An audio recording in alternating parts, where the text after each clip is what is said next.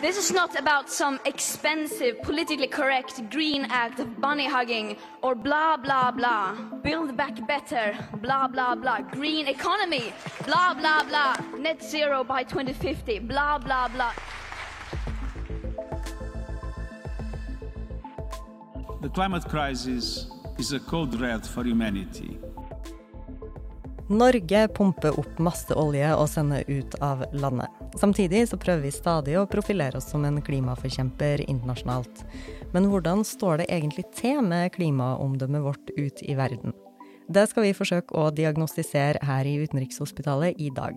Mitt navn er Ane Teksum Isbrekken, og med meg har jeg Elisabeth Lio Rosvold og Tatjana Stankovic, begge seniorforskere her på NUPI. Nylig så ble et spesialnummer av NUPI-tidsskriftet Internasjonal politikk lansert. Her har bl.a. tre NUPI-forskere analysert over 1000 tweets for å finne ut hva folk på Twitter synes om Norges klimaomdømme. Det skal vi komme tilbake til. Men først, et av de viktigste spørsmålene i nummeret er er ambisjonen om å være en klimaforkjemper på verdensscenen forenlig med at Norge produserer en ikke akkurat ubetydelig andel olje og gass, og eksporterer den? Ja, gjesteredaktør og seniorforsker Elisabeth Lio Rosvold, er det det? Det korte svaret er at ja, per i dag er det forenlig, um, og mye av grunnen til det er på grunn av Parisavtalen, hvor det faktisk er sånn at uh, Norge er ansvarlig for uh, de utslippene som uh, knyttet til oljebruk, som, er, som foregår på norsk Eh, jord. Eh, mens all den oljen som vi eksporterer, eh, de utslippene, de kommer på, på regninga til de landene som bruker det. Men det vi ville da med det her fokusnummeret På kort sikt så går det altså bra å pumpe opp og eksportere olje og gass for Norge. Men, forklarer Elisabeth, i takt med at klima får stadig mer plass i andre områder av politikken, som i utenrikspolitikk og næringspolitikk f.eks., så blir det vanskeligere å beholde troverdighet når vi ber andre om å kutte utslipp, som koster mye penger, mens vi tjener tonnevis på å eksportere ikke-fornybare energikilder. I stor grad så handler artiklene i det nummeret her om ett ord, og det er omdømme. Men eh, først må vi bare få en definisjon på plass. Hva mener vi egentlig når vi sier omdømme? Det er et godt spørsmål. Det er alltid bra å begynne med definisjoner. Men før jeg forklarer hva vi mener med omdømme, er det viktig å huske på at dette er eh, Utenrikshospitalet, og her snakker vi om eh, stater og mellomstatlige relasjoner. Så når vi sier Tatiana forteller at en stats omdømme er oppfatninga andre har om staten, basert på staten sin tidligere oppførsel. Ikke bare andre stater, men også ikke-statlige aktører, dvs. Si internasjonale organisasjoner som FN eller EU, frivillige organisasjoner som f.eks. Amnesty International, men også væpnede grupper og terrorister som IS og Al Qaida, f.eks. Men sånn for å eh, dra det litt eh, ned på jorda, da. Hva, hva, har det å si for meg hvis eh, det går dårlig med Norges eh, omdømme? Hvorfor skal jeg bry meg om det som nordmann? Det er også eh, et godt spørsmål, og da må man nok eh, kanskje begynne i andre enden. Og det er jo å se på hva er Norges rolle internasjonalt. Og Norge er jo en veldig liten stat. Og omdømmet er på en måte man kan se på det som politisk kapital som gjør at vi kan få gjennom våre interesser og um, internasjonalt, altså i FN, uh, men også uh, økonomisk og i handelsavtaler uh, og næringspolitisk. Sånn at det å ha et godt omdømme, det kommer jo de norske interessene til gode. og spesielt da for Norge, som er såpass liten, eller såpass små, Um, hvor det ikke er noe automatikk i at vi skal på en måte være med å bestemme, da. Uh, men at for oss så ligger mye av vår innflytelse nettopp i um, vår integritet uh, og tilliten som andre samarbeidspartnere, og uh, kanskje ikke så vennligsinnede um, stater, at de har en tillit til, til at vi vil noe bra, da. uh, tillit uh, gjør internasjonalt samarbeid mulig. Så vi lever i en globalisert verden, og de fleste utfordringene vi står overfor, er som turisme, koronapandemien, finanskrisen, klimaendringene, kan ikke løses av en stat alene. De krever mellomstatlig samarbeid. Det, det et godt eksempel på hvordan omdømme, tillit og samarbeid henger sammen, er Parisavtalen, forklarer Tatjana. Og for det som trenger en liten oppfriskning på hva nå den avtalen her var igjen, så kan jeg fortelle at eh, det er en avtale som skal få alle land i verden til å begrense klimaendringene.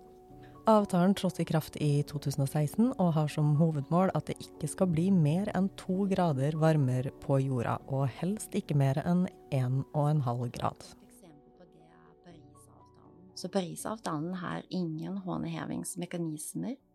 Parisavtalen kan ikke straffe land som ikke bidrar til å redusere klima, klimautslipp. Men allikevel uh, håper vi alle at klimaavtalen, Parisavtalen, uh, kommer til å uh, klare til å begrense klimaendringene, nettopp fordi stater tar hensyn til sitt omdømme og kommer til å endre atferd over tid på grunn av det. Men hva, hva, er det verste som kan skje, da, hvis omdømmet til Norge blir ødelagt internasjonalt? Norge har på en måte et såpass bra rykte internasjonalt at det skal veldig, veldig mye til eh, før man på en måte er skikkelig kjørt i grøfta eh, der. Men altså, i verst ytterste konsekvens er det jo på en måte boikott fra andre land. Og ja, et eksempel man kan trekke på da, er jo f.eks. hvalfangstkrisen. Eh, eller krigen, som noen også har kalt det, som skjedde på 90-tallet, hvor Norge valgte å gå mot eh, så å si resten av verden og fortsette med hvalfangst. Da ble veldig mange veldig opprørt, og USA bl.a. truet med boikott. Men det ble aldri noe av. Sånn at jeg tror nok at sannsynligheten for at Norges omdømme um, skal bli så dårlig at vi blir boikottet, den er nok ganske liten. Men uh, så skal man heller ikke undervurdere det at uh, Eller viktigheten av uh, å få med seg andre på laget. Det krever at man også de ser til hvordan vi oppfører oss. Og hvis vi vil ha med andre stater på å kutte utslipp på en grønn omstilling, så er vi på en måte nødt til å eh, være troverdige og gjøre at andre skal også ha lyst til å eh, måtte ofre noe, da. Tatjana og to kollegaer har i dette nummeret av Internasjonal politikk en ganske så interessant artikkel. De har nemlig tatt over fire millioner tweets om klimatoppmøtet i Glasgow i fjor, og kokt dem her ned til 1885 tweets om norsk og svensk klimapolitikk. Og før vi hører om de funnene, så må vi nesten få med oss noen av tweetsa om Norge. Norge gir en perfekt lærdom i grønnvasking. Profiter stort på fossileksport, mens du investerer i grønn energi innenlands. Uten ansvarlighet er det ingen klimarettferdighet. Vanskelig å høre Norge snakke om klimainvesteringer, mens de investerer tungt i fossilt brensel og ekspanderer i Arktis. På COP26 sa Norges utviklingsminister at Norge er engasjert i å sette en stopp for subsidier på fossilt brensel, Verdt å minne ministeren på hvordan deres eget parti presset gjennom massive subsidier for olje- og gassektoren i Stortinget for ett år siden. Noe som ga milliarder. Norge og Sverige har mange likheter også når det gjelder uh, klimapolitikk. Uh, den viktige forskjellen er at Norge er en storskala produsent av olje og gass, og vår intensjon, vår intensjon var å fange opp effekten av olje- og gassproduksjonen på Norges klimaomtale internasjonalt. Og for å være helt ærlig forventet vi at den skal uh, være negativ. Men selv om Norge er en storskalaprodusent storskala produsent av olje og uh, gass, finner vi at tweets om Norge og tweets om Sverige har samme grad av negativitet. Med andre ord, norsk og svensk klimapolitikk oppfattes likt på Twitter. Imidlertid finner vi at uh, negative tweets om Sverige uh, har, um, er mer generelle, knyttet til manglende ambisjoner som gjelder alle land, mens negative tweets om Norge er mer spesifikke og knyttet til nettopp olje- og gassproduksjonen. Og hva, hva, kan det på en måte i sin tur fortelle oss da om hvordan omverdenen ser på eller hvordan Twitter ser på oss? Ja, vår analyse sier at uh, norsk omdømme ikke er svekket eller vesentlig endret per i dag, men uh, det er utsatt fordi assosiasjonen til olje- og gassproduksjon for mange fremstår som uforenlig med en ambisiøs klimapolitikk. Uh, når dette er sagt, er det viktig å påpeke at selv om eh, Twitter har blitt uh, et av de viktigste mediene for offentlig debatt, har Twitter klare begrensninger. Twitter er ikke et representativt utvalg for befolkningen. Twitter-brukerne er gjerne yngre, har høyere utdanning og er mer politisk interesserte enn resten av befolkningen.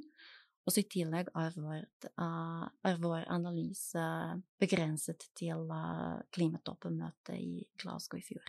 Um, det jeg også tenker Eller det er jo det jeg tenker er sånn um, Som artikkelen deres viser, er jo nettopp det at den linken mellom det å gå foran en grønn omstilling og, og være på en måte et foregangsland, prøve å få med seg resten av verden på dette um, Akkurat det at man samtidig leter etter olje, det viser jo artikkelen deres at det helt spesifikt så er på en måte kritikken knytta til det.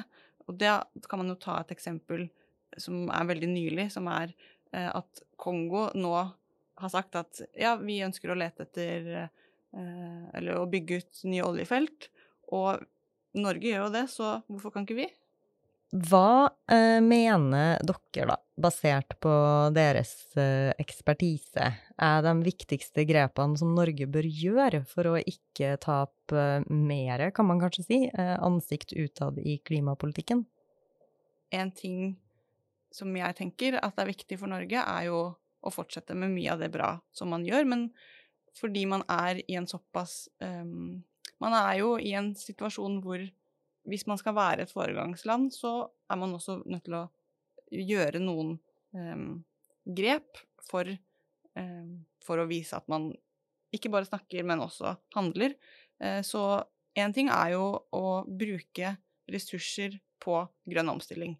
Um, og Norge har mye penger. Uh, det er ikke sånn at vi kan bare pumpe alt inn i det, men at kanskje man er nødt til å um, være villig til å bære en del av kostnadene for å få f.eks. investorer til å være villig til å investere i um, grønn teknologi, teknologi forskning uh, osv. Og, så og da uh, kan man jo kanskje også uh, tenke seg at man kan følge litt av den samme modellen som man har gjort med oljeutvinning, hvor også staten har tatt mye risiko.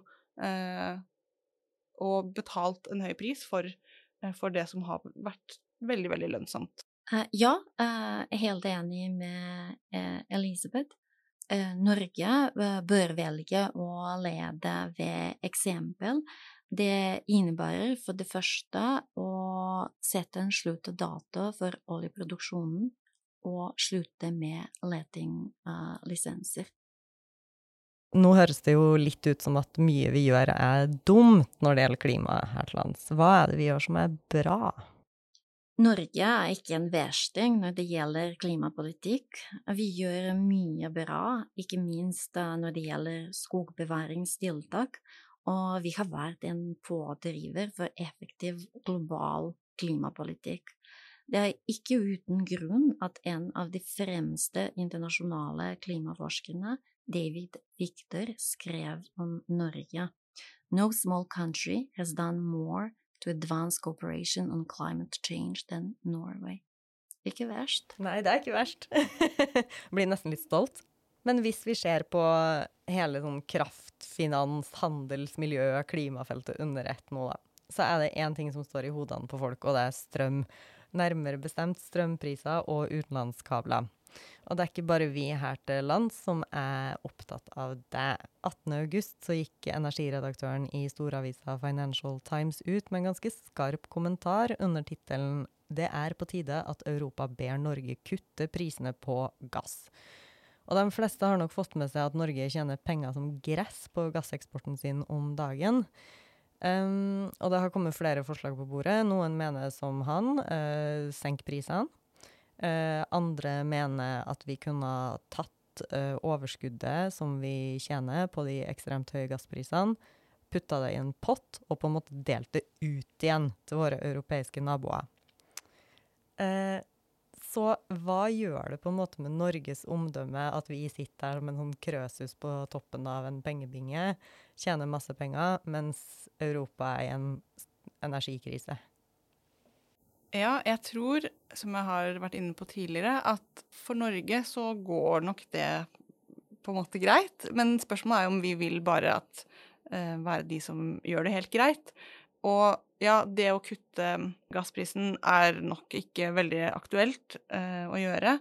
Men det man kunne sett for seg, hadde jo vært at de pengene som man faktisk tjener på dette, Kanskje man kan bruke de da, for å på en måte drive grønn omstilling og vise, ja, lede med eksempel, og vise at man er interessert i, um, i fremtiden.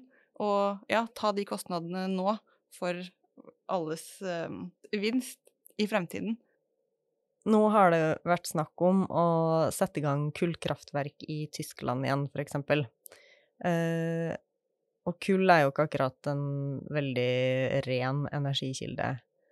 Så er det litt mer rom for å være litt sånn versting nå? Er det, er det mindre viktig å være grønn nå, som på en måte folk må leve uten lys eh, eller varme eller varmt vann eh, visse deler av eh, døgnet osv.?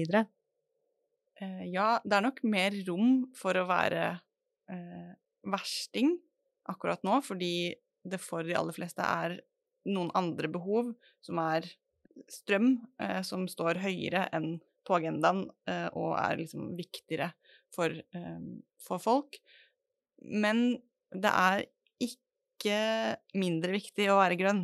Det er jo viktigere enn noen gang. Uh, ja, det er ikke absolutt mindre viktig å være grønn nå, men det er forståelig at uh, klima er ikke den første item på agenda. Så det er uh, mange faktorer som bidrar at klimaproblemet er vanskelig å, å, løse, og en av dem er betydelig tidsforsinkelse mellom kostnader og gevinster. Så klimatiltakene er dyre, og vi betaler nå, men gevinstene de realiserer seg om flere tiår. Derfor har vi en tendens, spesielt politikerne, til å prioritere tiltak som gir umiddelbare gevinster. Så i dag, når vi står overfor flere utfordringer som energikrisen, inflasjon og krigen i Europa, er det eh, å forvente at vi prioriterer å løse de problemene som, eh, som fremstår som umiddelbare. Sånn helt på tampen da, så har jeg bare lyst til å spørre hvordan står det til med deres egen klimaangst? Er vi pessimist eller optimist på vegne av framtida? Jeg er pessimist, absolutt. Det ser jo ikke ut som at man skal komme i nærheten av de målene som vi har satt oss eh, i Parisavtalen. Samtidig er jeg også optimist eh, på verdens vegne og tenker at vi kan faktisk eh, klare dette hvis vi er villige til å ta de kostnadene nå. Og da eh, er Norge i en posisjon som gjør at man har mulighet til å gå foran på det. Så det håper jeg vi gjør. OK. En slags litt tvetydig diagnose her. Eh, og med det så skal vi runde av den episoden av Utenrikshospitalet her. Tusen takk til Elisabeth og Tatjana, og takk til deg som hørte på. Hvis du har lyst til å høre mer fra oss, så anbefaler jeg at du søker oss opp der du hører podkast, og klikker på abonner. Sjekk også ut de to andre seriene våre, The World Stage og Hvor hender det? Vi høres! I have a dream. It's one small step for man, one giant leap for mankind. I 60 år har Nupis Hvor hender det? fulgt de viktigste sakene i verdenshistorien. Mr. Gorbachev, tear down this wall. Og formidlet dem til norske elever og andre som er interessert i utenrikspolitikk. That is the World Trade Center, and we have unconfirmed reports this morning that a plane has crashed into one of the towers på nupi.no skole kan du lese gode og aktuelle artikler skrevet av forskere og andre skribenter med spisskompetanse. I podkasten får du høre dem fortelle med egne ord. Mange ganger så ser vi at land bare kjører på uten å ta hensyn til det Sikkerhetsrådet bestemmer. Og I verste fall kan jo det sørge for at det blir gjennomført krigshandlinger. Mitt navn er Therese Leine, og i denne podkasten fra NUPI velger jeg ut de sakene som fortjener ekstra oppmerksomhet. De sakene som kommer til å bli huska seinere i historien. The British people have spoken, and the answer is we're out. America first. America first. We are in the beginning of a mass extinction, and all you can talk about is money and fairy tales of eternal economic growth. How dare you! Hvis du setter av noen få minutter av tida di, får du bli med inn i dybden av det mest spennende som skjer i verden akkurat nå. Gå inn på Acast, Spotify eller Apple sin podkast-app og søk på Hvor hender det?